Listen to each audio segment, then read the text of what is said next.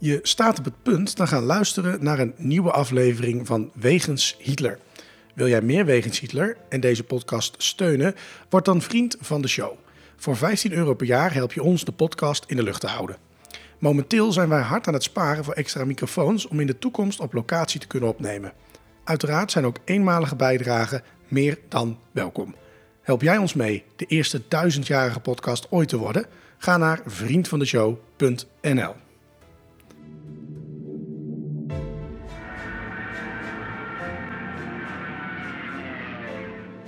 Wegens Hitler. De podcast over Adolf Hitler.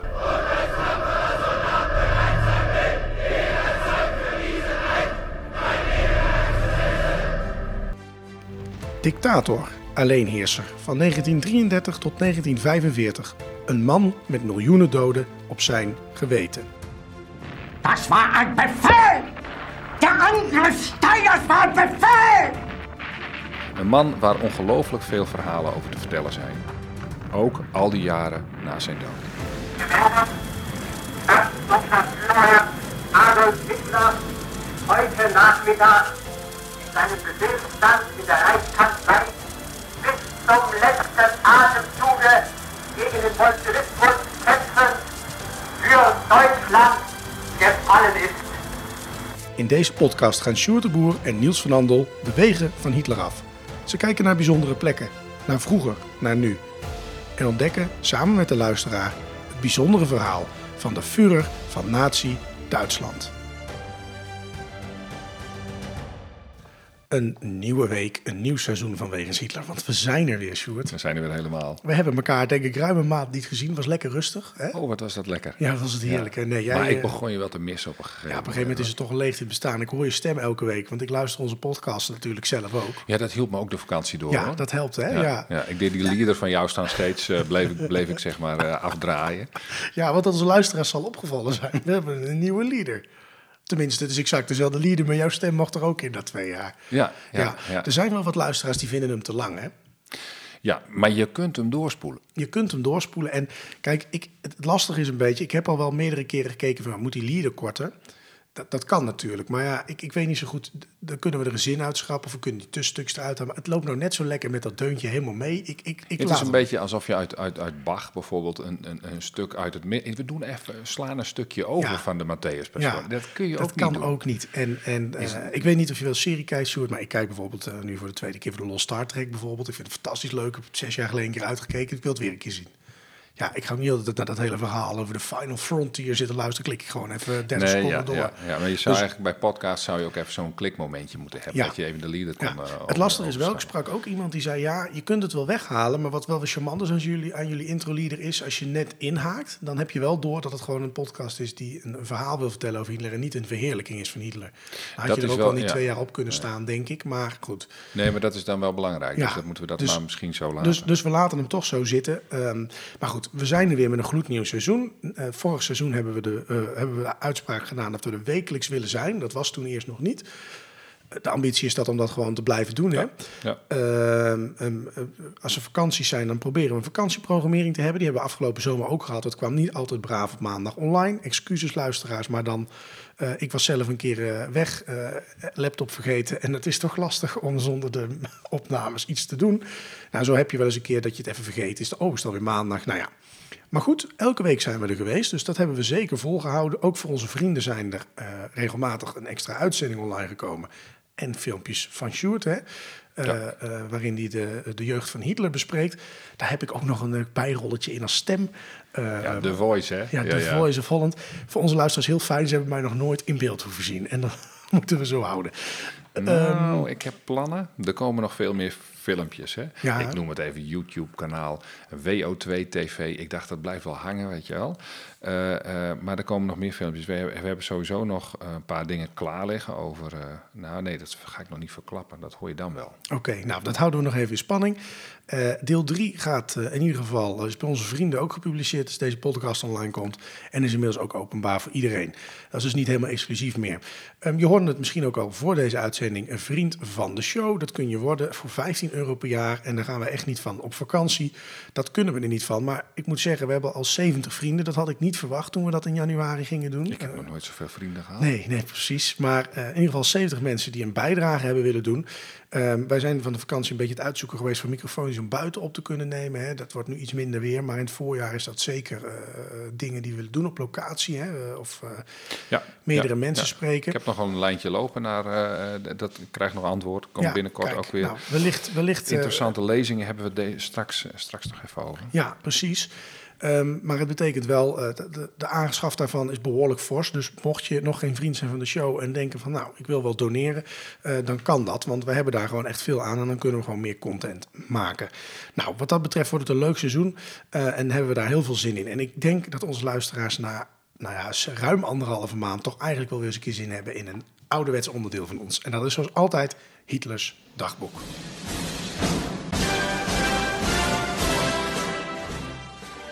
Hitlers dagboek. Het leven van Hitler duurde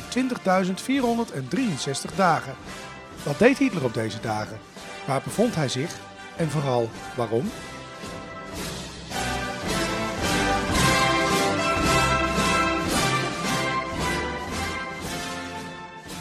Ja, we gaan ehm, ehm, op reis naar eh, Zwitserland. Want daar is Hitler van ne- eh, 26 augustus tot 28 augustus 1923. En deze podcast komt online op 28 augustus en daardoor mocht hij.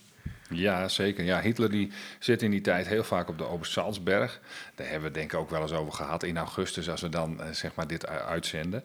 Ehm, eh, dat is natuurlijk saai, hè? daar zit hij een beetje op die berg. eh, hij heeft wel wel besprekingen.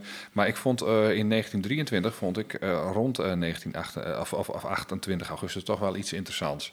Hij zit dan in Zwitserland. En, ehm, eh, en, en, en ik dacht dat hij daar maar één keer geweest was. En volgens mij klopt dat ook. Eh, hij is op verschillende plekken. maar het is allemaal bij Zurich. In de, in, in, daar ligt ook een groot meer en zo in, in, in, in, in de buurt. En in Zurich zelf ook. Nou, de genoemde data, zeg maar, oh, die zijn eh, op mijn website zag ik ook, die variëren een beetje. En ik eh, vond weer een andere website, die, die, die, klopt, ook niet. Maar ja, ik heb gewoon een hele goede bron die wel heel nauwkeurig alles eh, heeft uitgezocht. En daar plaatst hij hem op tussen 26 en 28 augustus 1923 inderdaad in Zwitserland. Nou, wat, wat doet hij daar? Het is eigenlijk heel simpel. Hij heeft een bespreking in een villa met een officier, een generaal Ulrich Wille. En waarom is hij daar? Hij, dat is eigenlijk heel simpel in die tijd. Hij heeft geld nodig. Hij komt net uit de gevangenis, uh, uh, zeg maar. En nee, nee ho, hij gaat nog naar de gevangenis. Het is augustus. In november gaat hij natuurlijk de poetspas doen. Um, en hij is daar geld aan het inzamelen voor de partij. Um, een dag later is hij dan in Horgen, dat ligt daar ook ergens aan het meer. En bij bankiers en fabrikanten. Nou, dan weet je genoeg. Dat is, dat is, dat is, hij heeft geld nodig. En dan gaat hij nog één keer terug naar Wille, uh, uh, die, die, die, die, die generaal, zeg maar, op de 28e zelf namelijk. En dat is in de villa in Zurich van hem. En uh, dan ontmoet hij hem vervolgens weer op het landgoed aan de Zurichzee. Dus hij maakt een mooi rondje. Um, om het meer heen. En uh, kijk, wat hij daar precies bespreekt, dat is een beetje lastig. We zitten voor die putsch natuurlijk, die komt eraan. Heeft het daar ergens mee te maken? Ik weet het niet. Het zou heel interessant kunnen zijn geweest. Want om, om de een of andere reden ontkent Hitler later namelijk dat, dat, uh, dat hij daar ooit geweest is. Hij is nooit in Zwitserland geweest. Maar ja, deze gegevens die kun je gewoon terugvinden in verschillende bronnen. Ja, en ik ben benieuwd waarom hij daar niet over wilde praten. Ja. Had het iets met die poets te maken? Ik weet het niet. Dus als er een luisteraar is die zegt van... hé, hey, maar wacht eens even, daar heb ik toevallig eens een keer op een halve bladzijde in een boek iets over gelezen. Stuur direct op, want dat willen wij heel graag weten. Ja, maar ja, tot die tijd komen we er in ieder geval niet achter. Maar wel weer een uh, interessant verhaal. Ouderwets gezellig zou ik bijna zeggen. We gaan snel naar het eerste onderdeel, of eigenlijk het belangrijkste onderdeel, het tweede onderdeel, dus maar het belangrijkste onderdeel van deze podcast. En dat is toch de plek. De plek. Bijzondere plekken of verhalen die te maken hebben met Hitler. Ja, um, de plek is Berlijn. Daar hebben we het al vaker over gehad. Maar vanaf de rand van uh, uh, um, de stad in het westen tot aan de Rijksdag, of zoals die nu bekend staat, de Bondsdag in het centrum. En vanaf het Rijksdagsgebouw tot aan het vliegveld Tempelhof in het zuiden. Um, we gaan het namelijk hebben over Germania. Een project van Adolf Hitler en Albert Speer. om Berlijn om te bouwen tot een wereldhoofdstad van formaat. Hè, naar die Endzieke, naar de eindzegen zou zoiets eh, gaan gebeuren. Ehm, zodat Hitler eh, en zijn macht en, eh, en prestige eh, daarmee kon tonen. Hè? Ehm, en natuurlijk het belangrijkste voor de naties, de superioriteit van het Derde Rijk kon laten zien. Ehm Sjoerd, ik ben dan toch benieuwd. De, eh, we, we hebben allemaal misschien eens een keer het shot gezien hè, eh, van dat Germania. eh, eh, bijna elke Tweede Wereldoorlog documentaire komt het wel een keer voorbij. ja, er zijn heel veel die, foto's ja, van, ja, van ja. die maquetten. Ehm, maar goed, voor mensen die dat toch niet weten, hè, waar bestonden die plannen in grote lijnen? Nou ja, wat, wat jij beschrijft als die locatiebepaling, zeg maar, van, van noord naar, naar, naar zuid en van oost naar west, dat is, dat is dat in twee richtingen. Dat zijn twee brede verkeersaders, zeg maar, waar langs van alles gaat ontstaan. Dus dat noem je dan de Noord-Zuidas. Die was een, ik, ik heb zelf even ongeveer gemeten, dus het, het zal wel een kilometer afwijken hoor. Maar eh, eh, de Noord-Zuidas was een kilometer of zes. Ehm, eh, tenminste voor dat beschreven deel. Of die dan nog doorloopt, is nog weer een ander verhaal. En de Oost-Westas was een kilometer of tien. Eh, zeg maar vanaf de rand van de huidige stad tot, tot aan, aan de Brandenburger Tor, wat jij zei. Hè? Nou, die kruisen elkaar als het ware, of die geven elkaar in de plannen zoals we die kennen. In ieder geval eh, komen ze bij elkaar. En eh, dat is ongeveer bij de Rijkskanselarij. Of bij de Brandenburger Tor. Dus echt wel aan, bij, bij Unter den Linden, het begin daarvan. Ehm, het grootste gebouw voor die plannen, dat was de Volkshalle. Dat kwam daar ook ongeveer te staan. Dat is pal naast de Rijkstaak van toen. Daar konden 138.000 mensen in als die klaar was. En dat, ja, weet je, eh, als je een beetje een leuk stadion hebt, dan, eh, dan prop je ze daar ook wel in.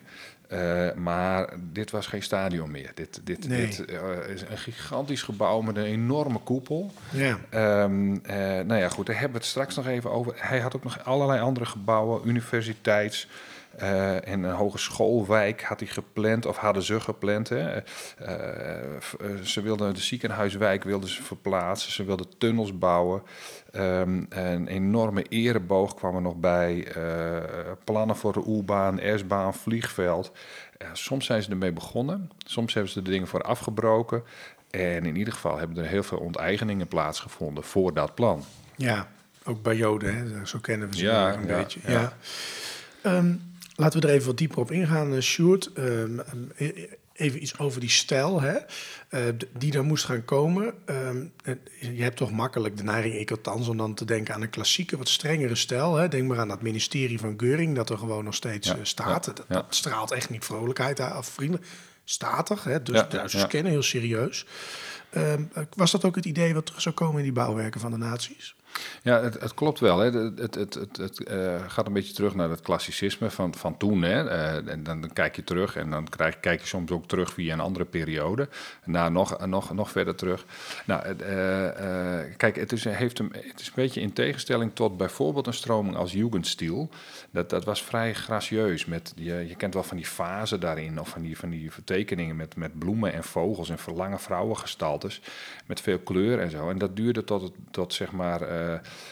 eh, het begin van de Eerste Wereldoorlog, heb, je- heb je die, dat, dat, is, nou, dat is alles behalve dat. Ja. Er, er is niks eh, eh, vrolijks aan. Dat klassicisme dat slaat natuurlijk veel terug op, dat, op de oude Grieken en Romeinen met die pilaren en de hele reutemeteut.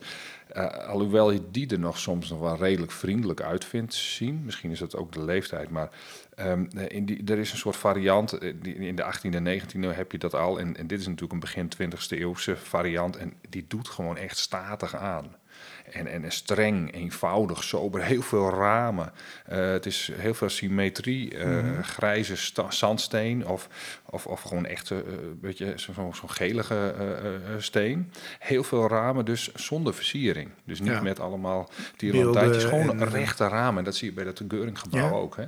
Maar weet je, dat past bij de nazi's voor ons gevoel natuurlijk. Van nee, dat, dat strenge van die tijd, dat is typisch Duits. En, en nou ja, dat, dat, ik, zat, ik zat even te zoeken van, is dat nou zo? Maar dat is dus niet zo. Er waren veel meer, eh, dat, het was ook in andere la- landen. En er zijn ook wel voorbeelden van. Als je bijvoorbeeld kijkt, eh, zoek maar eens op, eh, het Senate House van de Londense Universiteit uit 1932. Dat is ook zo'n heel streng gebouw. Het is dus ook iets, een, een, stroming komt nooit alleen in één land voor. Dus dat, dat, dat blijkt hier ook wel. Het parlementsgebouw in Helsinki, nou, eh, zoek maar eens op, is ook een heel streng gebouw. Dus eh, het is niet uniek. En nou ja, goed, dat is, dat is wel opvallend, want het idee heb je wel van, hé, hey, die strengheid, hoe zit dat? Ja, Nou Duitse, Duitse sobere degelijkheid. Ja, maar ik vind bij het stadion bijvoorbeeld, het Olympisch Stadion vind ik niet per se streng. Het is, eh, ja, het, het, het is wel echt klassicisme met al die pilaren en zo. Ehm, maar ja, he- heel streng vind ik dat dan weer niet. Nee, nee. Maar goed, het is ook wel een beetje aan de binnenkant anders dan het was. Ja, dat klopt. Er zijn wel Ja, wat elementen weg die misschien... Nee, die- dat klopt. De buitenkant, nee, puur over de buitenkant Ja, hoor. ja. Helder. Ehm, ehm, de man die dit moest gaan doen, we noemden hem net al even, was Albert Speer. Hè? Eh, die had zich al behoorlijk opgewekt op dat moment. Ehm hij was namelijk in 37 de generaal bouwinspecteur van het Rijk geworden. Mhm. Eh, dus voor zijn baantje als eh, minister van Bewapening. Ehm, en, dan moet je denken, ja, tegenwoordig hebben we die titels niet meer. Hè? Dus waar moet ik dan aan denken? Eh, een beetje staatssecretarisniveau. Wat nu een staatssecretaris Ja, is, ja, net onder ja. de minister. Ehm nou, dat is nog behoorlijk wat voor een, eh, een, een simpele chef van een architectenbureauotje.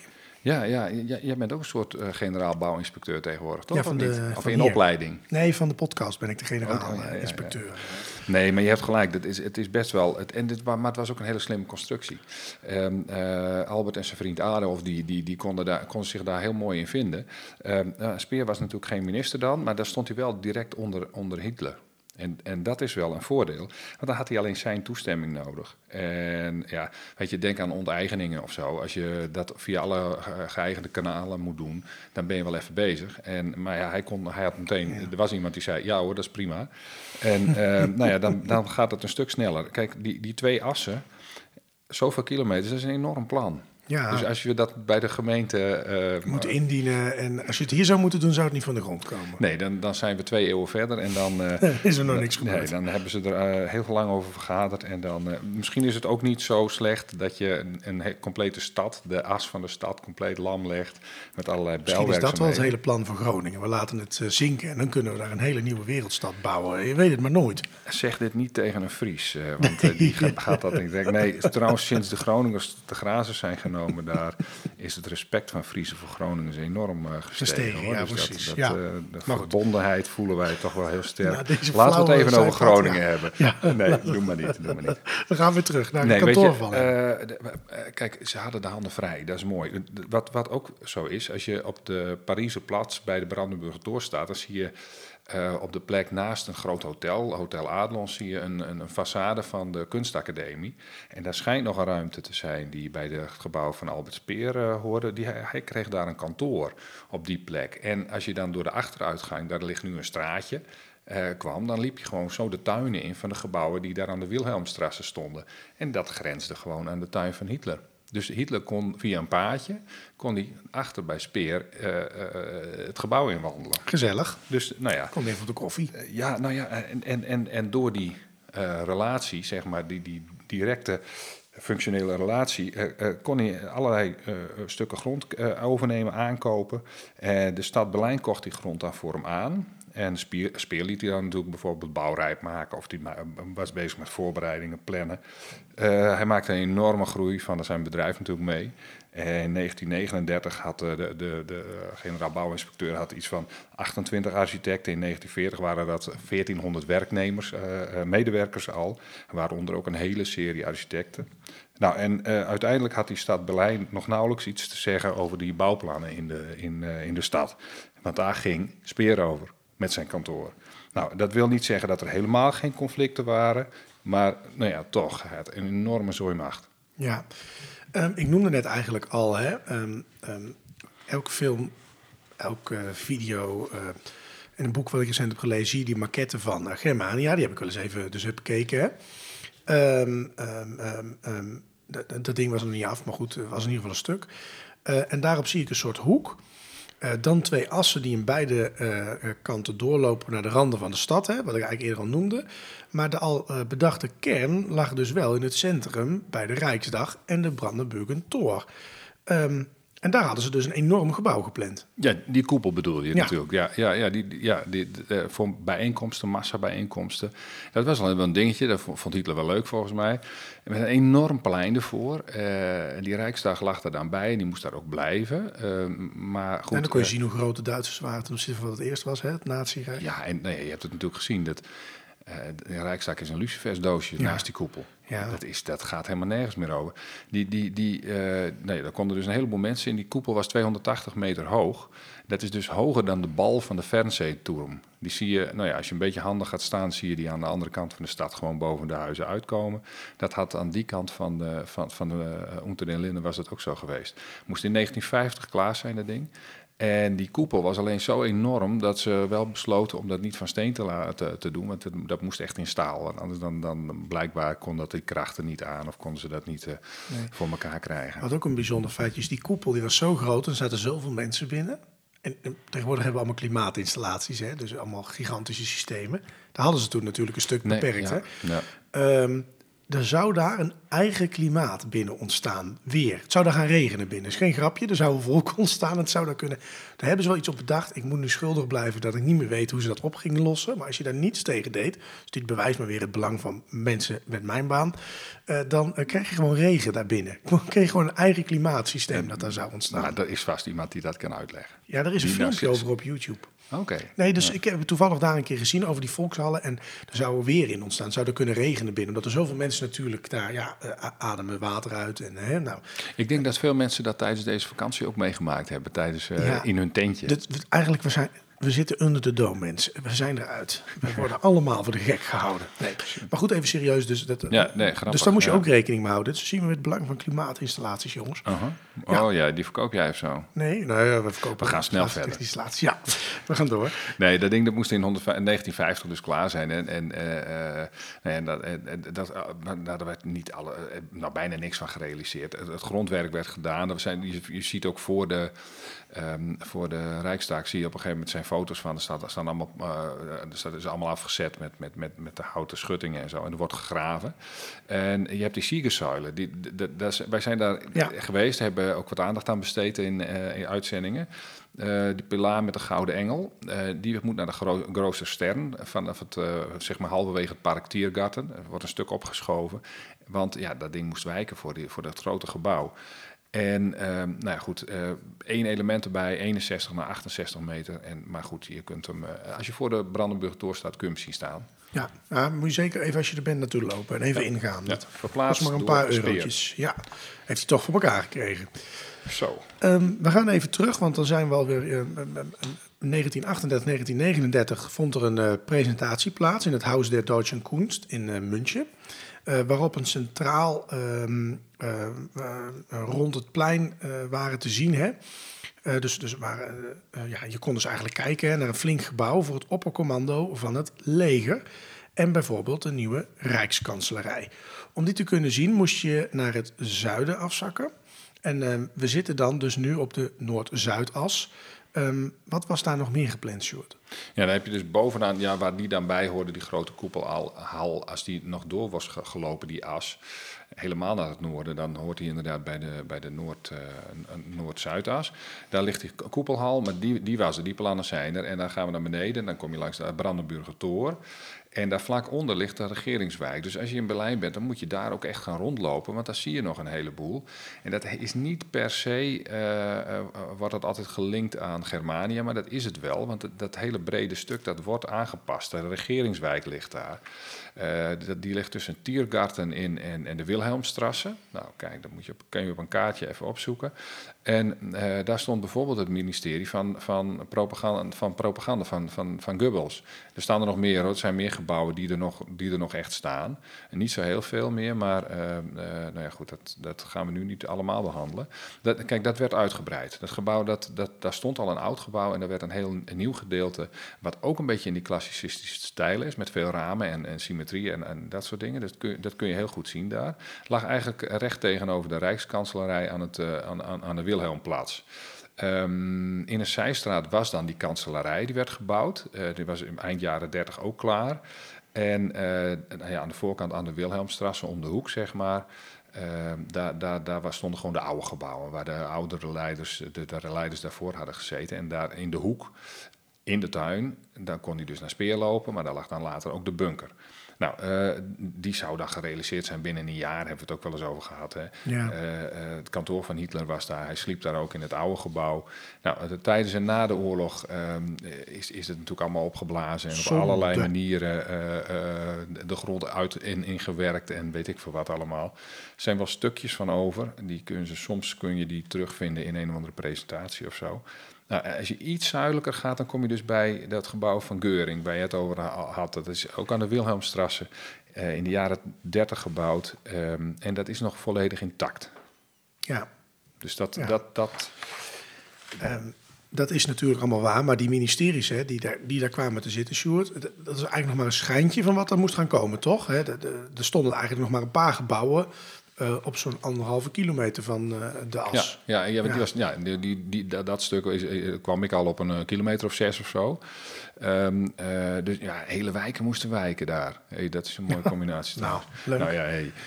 Per ongeluk een woordgrapje. En, en voor het beeld, hè, boven waar nu die Bondsdag nog steeds is, daar ligt ook het Centraal Station nu. En daar lag een veel, al veel langere station. En, eh, maar dat, ook, ook voor de plannen van Germania mo- moest, eh, nou, moest dat weg. Eh, Want daar kwam die koepelhal en er kwam daar wel een station bij, het Noordstation of Baanhof. En aan de andere kant van de as, als je dan helemaal naar beneden reed, zeg maar, naar het, naar het zuiden, daar kwam de Zuidbaanhof. Dat was een gigantisch ding. Ehm, en ook een, prestigieus station. Eh, weet, je, daar, daar lag trouwens aan die as ook al het Anhalterbaanhof. Dat, daar kun je nog wat resten van zien in Berlijn. Dat is een, alleen de poort is er nog. En je kunt een beetje zien waar de treinen zijn aangekomen. Ehm, er is ook nog een bunker trouwens die je kunt bezoeken. Ehm, nou ja, die, dat, dat- daar in het zuiden ligt dus een heel nieuw station. En dat moest in 1945 klaar zijn. 70 meter hoog. Representatief, moest voor staatsgasten zijn. En dat is ook niet voor niets, want Hitlers trein werd daar vaak gestald in, die, in dat deel van de stad.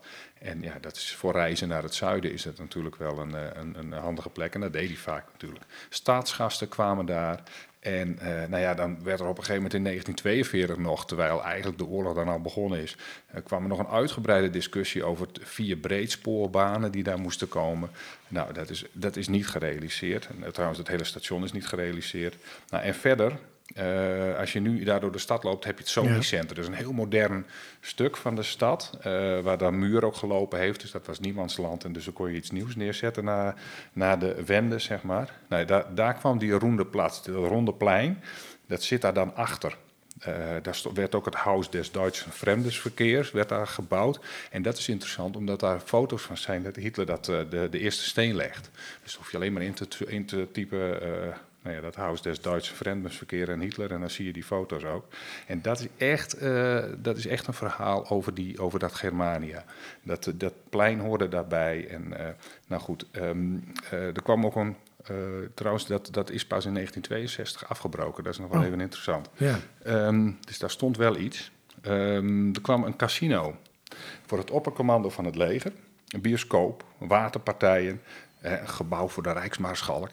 Ja, bij Geuring wilde altijd iets. Hè? Een grote soldatenhal, die had je aan de andere kant zou die ook komen. Een diplomatenbuurt. En daar is allemaal niks van terechtgekomen. Eh, het meest opvallend is, dat heb je op die maquettes ook gezien, denk ik. Eh, daar eh, was een plan voor een triomfboog. Helemaal in het zuiden. Dat, dat sloot dat dan af. Hè? Dat had Hitler in 1936 al bedacht.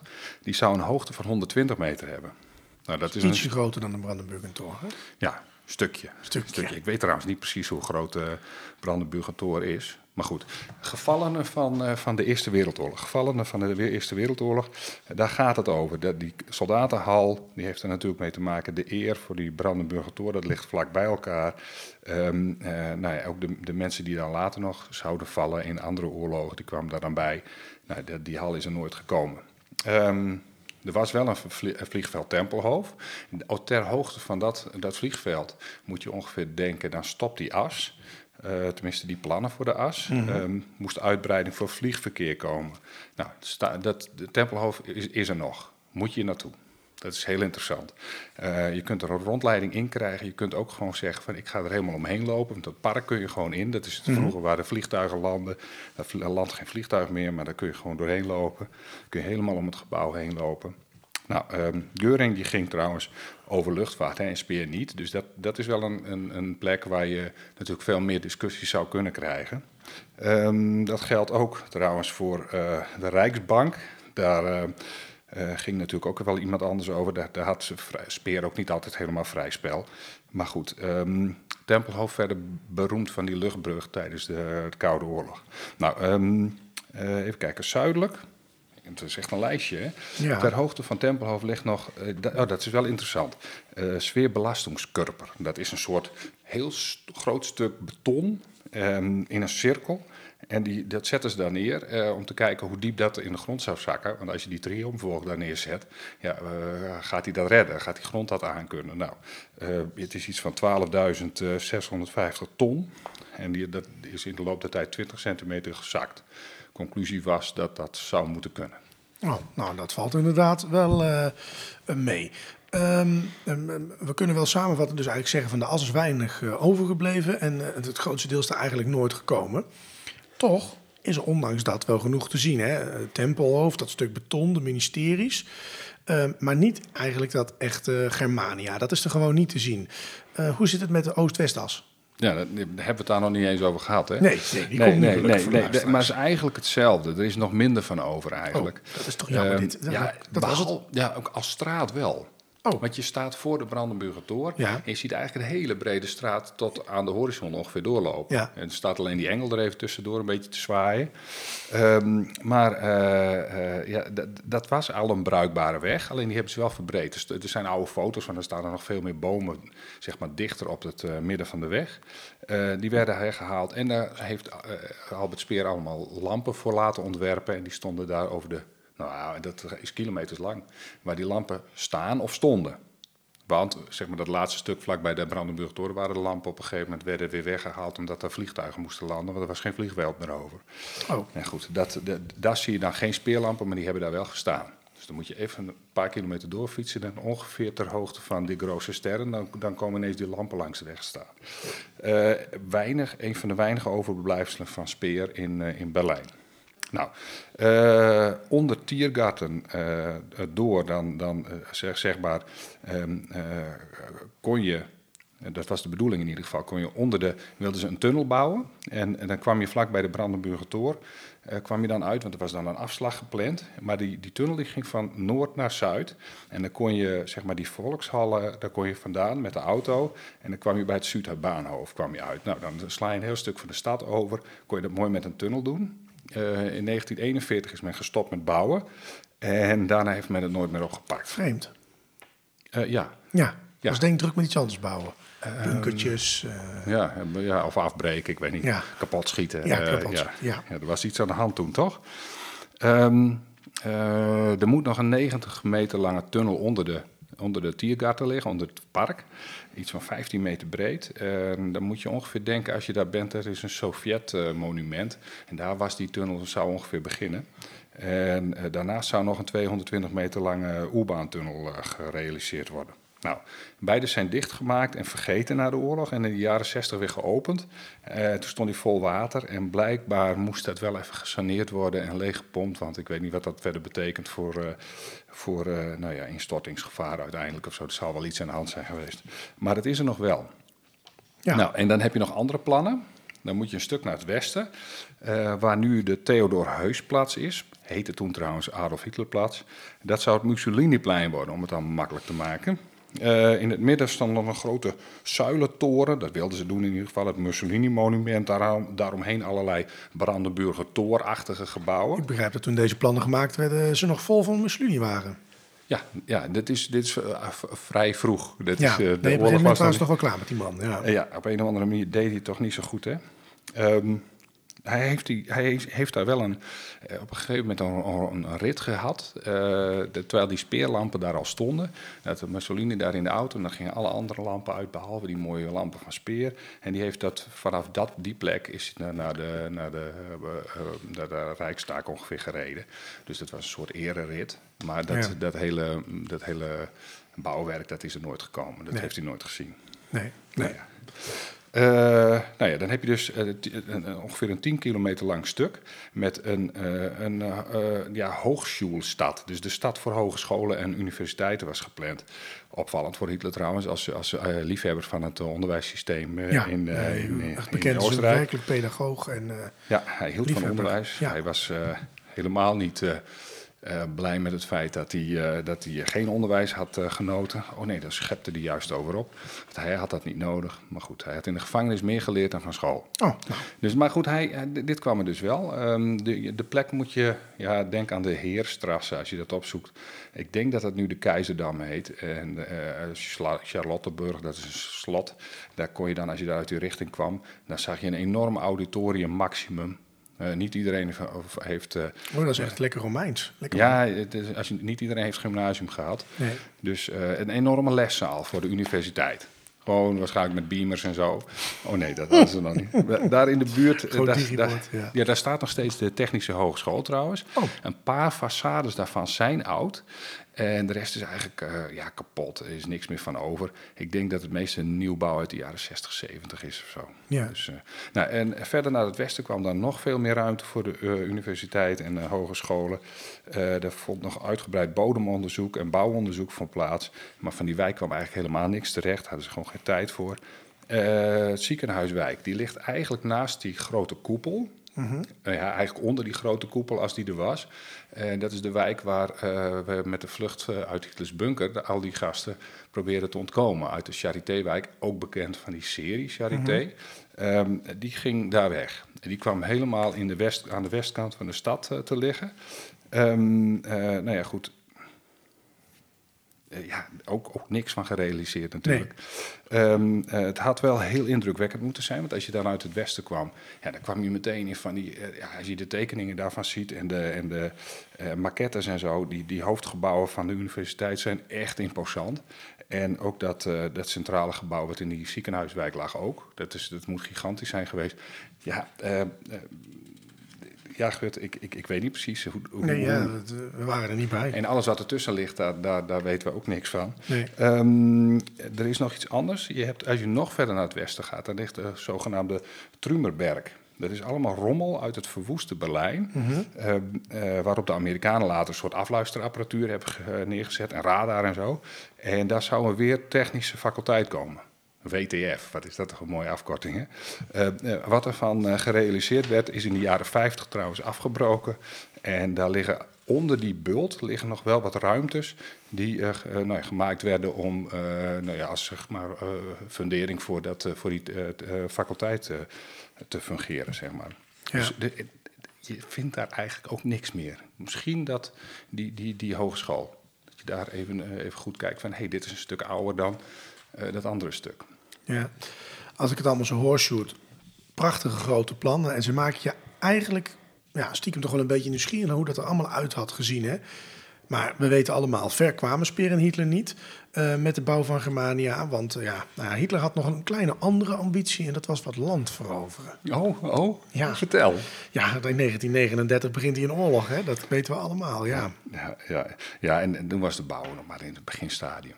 Dus dat, dat, eh, jij, jij weet natuurlijk als geen ander, uh, zeker nu, uh, dat je hebt daar tijd voor nodig. Ja. En als je hele grote plannen hebt, dan heb je meer tijd nodig. Heb je megalomane plannen, dan moet je wel, uh, ja, dan, dan, dan, kost dat uh, heel veel tijd. Nou, um, die, die, die, alle activiteiten die werden wel opgestart. De, en, en toen de oorlog begon, moesten ze uiteindelijk zelfs helemaal stoppen. Speer verdiende rustig door hoor. Daar, was, daar hoefde je niet over in te zitten, want die ging natuurlijk gewoon bunkers bouwen. En uh, zorgde voor, voor, voor treinbruggen en vliegvelden. En, en, en daar was hij altijd bij betrokken natuurlijk. Um, en nam ook van alles over van de uh, organisatie Toot. En, ja. Dus, dus dat, dat, ja. dat, dat liep wel. Um, maar goed, uh, eigenlijk al in 1938, dus al voor de oorlog, was duidelijk dat die plannen voor de ombouw van Berlijn niet, niet binnen de tijd van enkele tientallen jaren gehaald zouden worden. En dat was alleen qua vaklieden al niet, want zeg maar tot aan 1940 waren er iets van 180.000 werklieden nodig. En dat zou er nog 15 keer zoveel moeten zijn. Um, uh, nou ja, 109 miljoen stenen lukte in die tijd nog wel. Maar ze hadden 450 miljoen nodig voorlopig. Ja. En dat werd steeds moeilijker. Nou tussen maart en uh, zeg maar uh, september 1938 waren er nog geen 15.000 nieuwe woningen gebouwd. En dat moesten er 23.000 worden. Nou, uh, mensen onteigenen voordat de bouw daarvan klaar was, is natuurlijk ook geen optie. Maar dat nee, staat op straat. Ja. ja. nee. Nou, Speers oplossing is trouwens historisch uh, en triest tegelijkertijd voor, voor dit probleem. Want kijk, als je nou Joden had wonen in grote huizen, dan kon je die eruit halen. En Speer is altijd een soort onschuldig type geweest, die ja, verstandige man en uh, weet ik veel wat. Maar die is hier wel voor verantwoordelijk. Dus hij zorgde voor gedwongen emigratie. Duizenden Joden die gaven hun woningen dan op en uh, ja, hadden eigenlijk niks meer.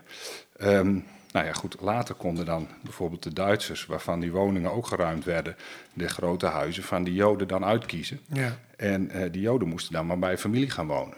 Dat was het idee. Nou, uh, uh, vriendelijk is dat nog niet. het wordt nog veel erger. Kijk, in vervolgacties werden de huizen van Joden in, in, in gebieden die geruimd moesten worden, die werden dan als eerste geruimd. En dat dus alles onder die goede speer, die regelde dat dan. En er kwam op een gegeven moment een derde serie ontruimingen van Joodse woningen. Die, die, die dan op een gegeven moment gestopt werd door de Gestapo. Eh, niet uit principe, maar er woonden dwangarbeiders die nodig waren voor Berlijnse bedrijven. Nou, Speer vond dat maar niks.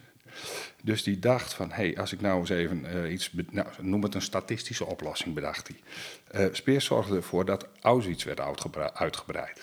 Nou, dan konden daar dus meer mensen aan het werk gezet worden. En dan klopt de rekensom weer. Dat is niet Berlijn, maar dat is ergens anders. Uh, maar goed, uh, en tegelijkertijd kon de Gestapo dan doorgaan met razzia's in Berlijn.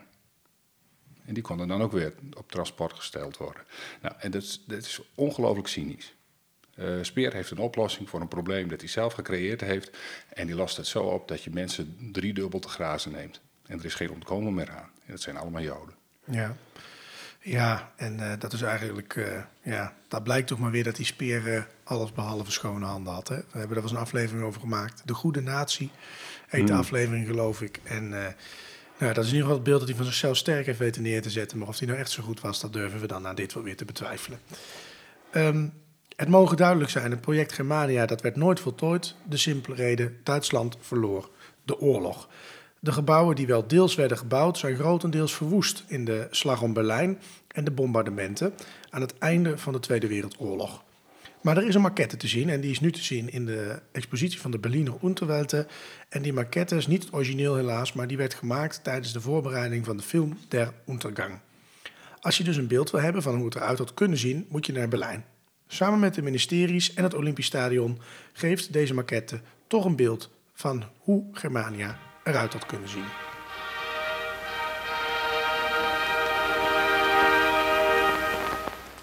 Het Nazi-journaal. Bijna dagelijks is er nog wel iets te vinden over Hitler. Hij is in het nieuws, er is een stuk in de krant, een tweet, een interview of een nieuw boek. We bespreken het in het Nazi-journaal.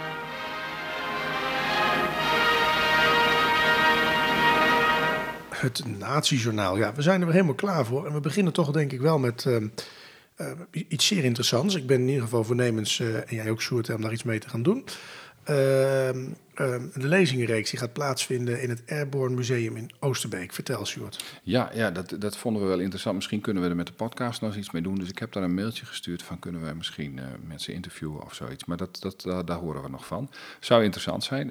Sowieso aardig om te gaan kijken. Misschien gaan we dat ook wel doen. Ik geloof dat jij niet elke dag er bent. Nee, de, de eerste lezing zit ik uh, uh, helaas op, uh, op Creta, dus dan zul jij het moeten doen. Mm, nou ja, maar dat, ik, ik, ja. dat kun jij ook. Je hebt ik, mij niet ik nodig. zit even naar rechts te kijken. Ligt het boek het daar boek nog? Ligt daar ja. nog, ja. Dan spreekt namelijk Ad van Liemt. We, daar hebben we al aandacht aan besteed trouwens in een, in een podcast over, over dat boek. 50 plekken om uit de bezettingstijd bij, om bij stil te staan.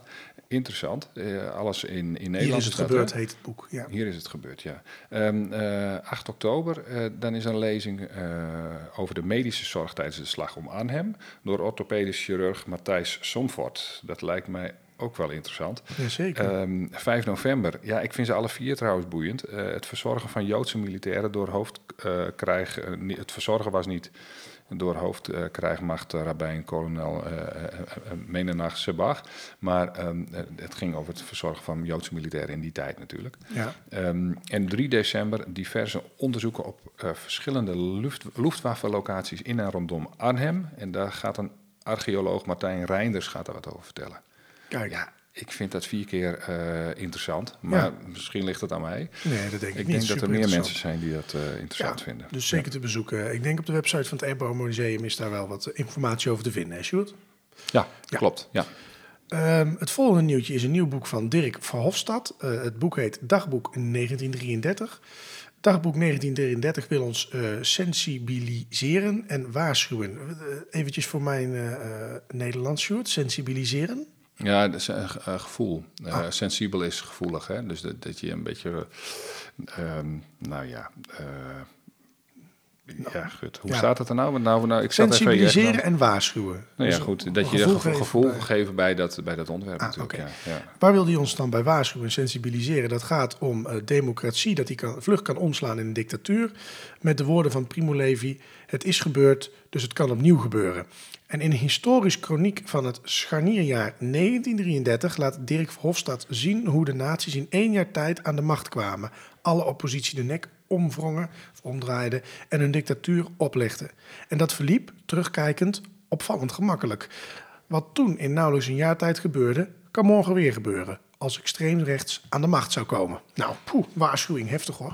Ja, ja, nou goed. Ja, nee, ik zeg het een beetje kastisch, maar ik bedoel het heel serieus hoor. Ja, nee, nee nou, het, het, het, het punt is dat, dat uh, uh, uh, sommige mensen zeggen van nou, dat zal niet zo'n vaart lopen. En hij zegt dat dus wel. Dus vind ik het eigenlijk wel weer interessant. Ja. Hé, hey, wacht even, wat, hoe komt hij dan op het idee dat het zomaar wel weer kan gebeuren? Ja, moeten we het eerst lezen, hè? dan kunnen we zeggen of het... Nou ja, goed, het is, kijk, het is ook wel, ik moet het zeker even lezen. Ik denk dat we het gewoon moeten bestellen, maar um, bij de lokale boekhandel. Um, ja, ik zeg het maar weer even, Pavlov-reactie als je een boek moet kopen. Nee, maar uh, in Nederland is het eigenlijk nooit gebeurd. Nee, maar nee. er zijn wel landen zoals Amerika. Nou ja, goed, ik ben geen fan van Trump. Dat, maar als je ziet wat hij daar doet, dat kan blijkbaar ongestraft. Ja, op die manier, ja. Nou, dat, nee, ongestraft kun je nu niet meer zeggen. Dat weet je niet. Nee, maar hij kan dat volgend jaar, hoe dan ook, president worden van het machtigste land ter wereld. Of een mm -hmm. van de machtigste landen ja. ter wereld. Um, daar zie je ook dat extreem rechts meer aan de macht komt. In Nederland is nooit extreem rechts heel groot geweest. Of extreem, überhaupt nooit. Nee. altijd een, de meerderheid is altijd nog een beetje rustig. Uh, maar in landen om ons heen is dat wel gebeurd. Hè. In Frankrijk uh, zijn ook extremen ook wel eens aan de macht geweest. Ja, in ieder geval dus, heel groot, ja. Um, ja, ja. Dus, nou goed, interessant uh, boek, ik ben benieuwd, ik. Ja, ik ben benieuwd wat hij... Zeker ook in deze tijd. Doe me een beetje denken aan dat einde van de...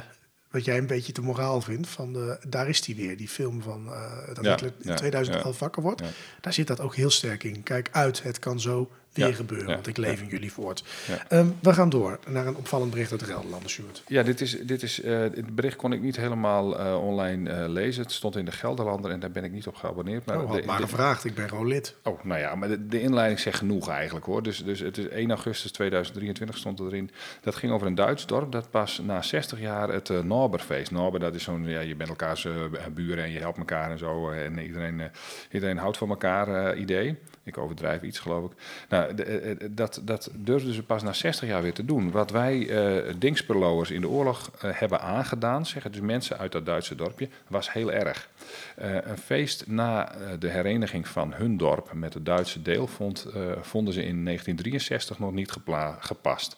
Om wat er in de oorlog is gebeurd. Maar op aandringen van hun Dingsperloze nabers, buren, gebeurt het na 60 jaar toch. Met een gezamenlijk Noberfeest in Suderwijk. Ja. En dat uh, vind ik opvallend. Ja, nou ja, interessant ook zeker, ja.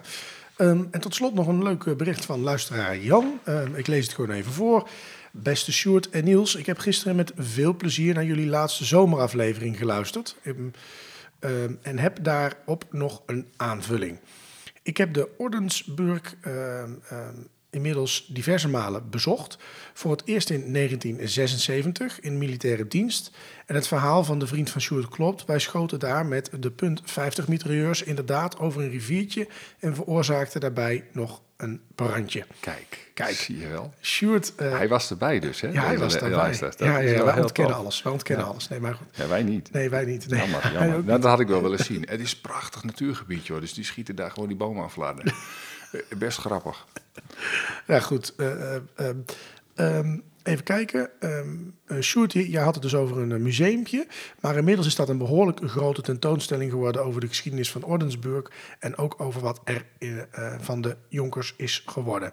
Zeer de moeite waard en grotendeels nog als toen... en inderdaad een prachtig uitzicht. Een mooi museum daar in de omgeving is het museum in Vossenak. Vossenak, ik denk dat zo moet zeggen... ter herinnering aan de slag om de uh.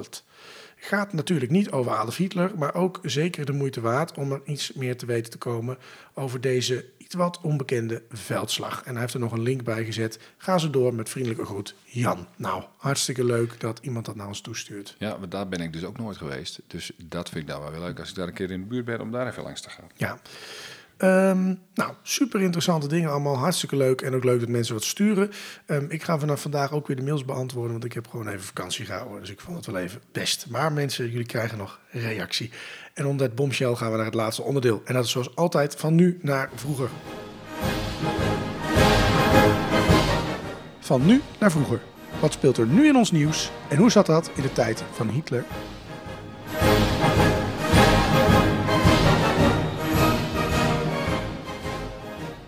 Ja, uh, we gaan iets doen. We gaan van nu.nl voorlezen, de, de wereldbron. Uh, nee, maar uh, Sjoerd had daar, heeft er helemaal zin in. Dus ik lees het bericht voor en daarna gaat Sjoerd los. Dus veel plezier, luisteraars.